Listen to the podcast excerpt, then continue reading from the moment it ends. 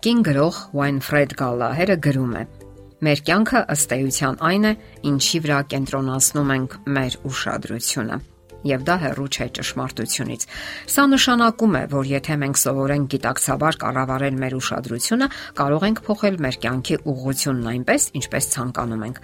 Կրթությամբ լինելով նկարչուհի, Winfred Gallagher-ը փոխել է իր մասնագիտությունը եւ նշանավոր դարձել որպես վարքագծային գիտության massայականացնող։ Նրա կյանքում իսկապես դրամատիկ իրադարձություններ են տեղի ունեցել։ Բժիշկները նրա մոտ հայտնաբերել են ուռուցքային հիվանդության հազվադեպ տեսակ եւ դա ստիպել է, որ նա նորովի նայի այն բանին, թե ինչպես են ապրում մարդիկ իրենց կյանքը եւ ինչին են ուշադրություն դարձնում, ինչի վրա են վատնում իրենց կյանքը։ Իր ընդհանրացումներն ու հետևությունները նա ամփոփեց ես համակ ուշադրություն եմ գրքում։ Գալահերը պնդում է, որ մեր ողջ կյանքը կախված է այն բանից, թե ինչի վրա ենք մենք կենտրոնացած։ Մեր անհաջողությունների, ապրումների, թե վիճաբանությունների։ Սրանք ընդհանրապես մի փոքր մասն են այն ամենի, ինչը մենք ընտրում ենք կամավոր։ Ուշադրությունը մեր կարևորագույն ապաշարներից մեկն է, որը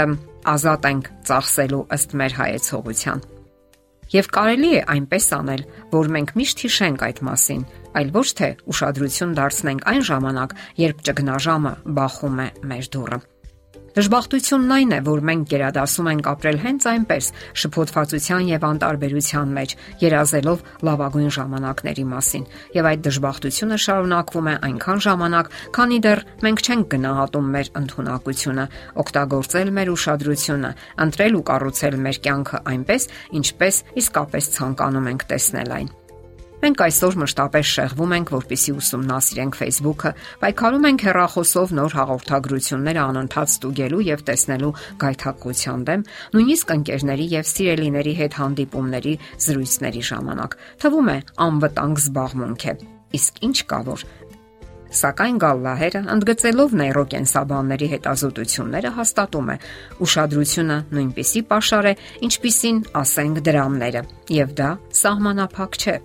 Ցանկացած հաջողություն կամ անկում պայմանավորված է այն բանով, թե որքանով ենք մենք արդյունավետ տեղաբաշխում մեր ուշադրությունը եւ կարողանում ենք արդյոք առանձնացնել գլխավորը եւ բավականաչափ ժամանակ հատկացնել դրան։ Հեղինակի տեսության մեջ կա մի կարևոր տեսակետ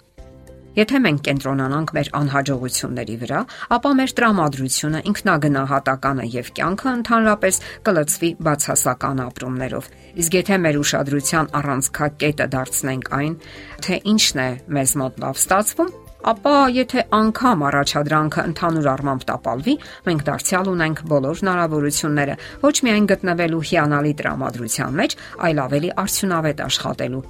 եւ լուծելու հետագա առաջադրանքները։ Իսկ այժմ որոշ գործնական խորհուրդներ, որոնք կխթանեն ձեր ուշադրությունը։ Եվ այսպես, ծրագրավորեք հանգիստը, այլ ոչ թե միայն աշխատանքը։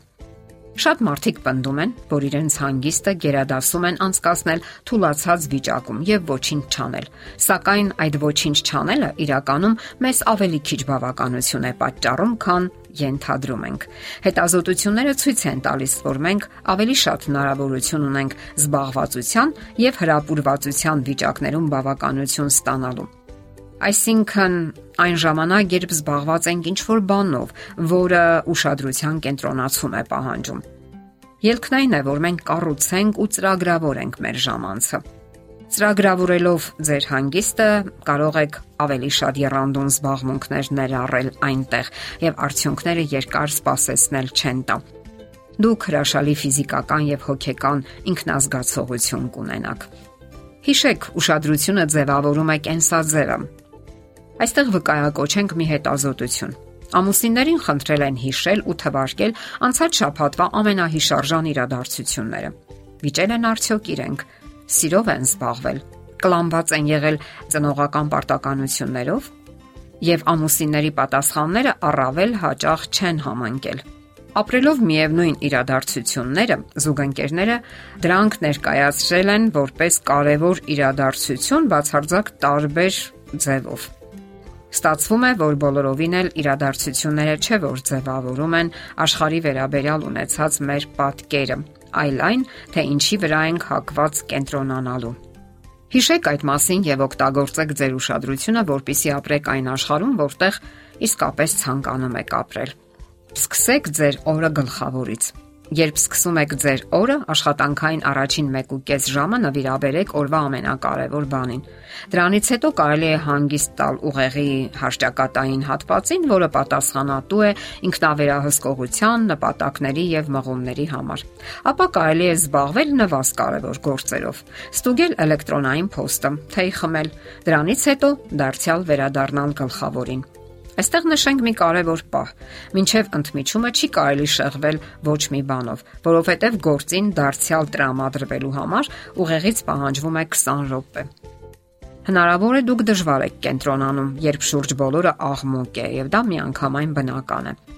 Նման դեպքերում կարող եք ականջակալներ կրել եւ առանց այլևայլության փակել ձեր ականջները, առանց անհարմար զգալու կամ ամաչելու թեք հայացքներից։ Շատերն օրինակ հենց այդպես էլ վարվում են։ Դա ինչ, պատրաստ եղեք փոփոխությունների։ Որոշեք թե ինչն է ամենակարևորը ձեզ համար։ Կենտրոնացրեք ձեր ուշադրությունը հենց դրա վրա։ Պետք չէ շեղվել, այլապես անընդհատ կկատարեք այլոց հրահանգները։ Եղեք ձեր ուշադրության տերը։ Ձեր կյանքը հենց ձեր ուշադրությունն է, թե ինչով եք համակված եւ դեպի ուր եք նայում։ Եթերում առողջ ապրելակերպ հաղորդաշարներ։ Հարցերի եւ առաջարկությունների համար զանգահարել 033 87 87 87 հեռախոսահամարով։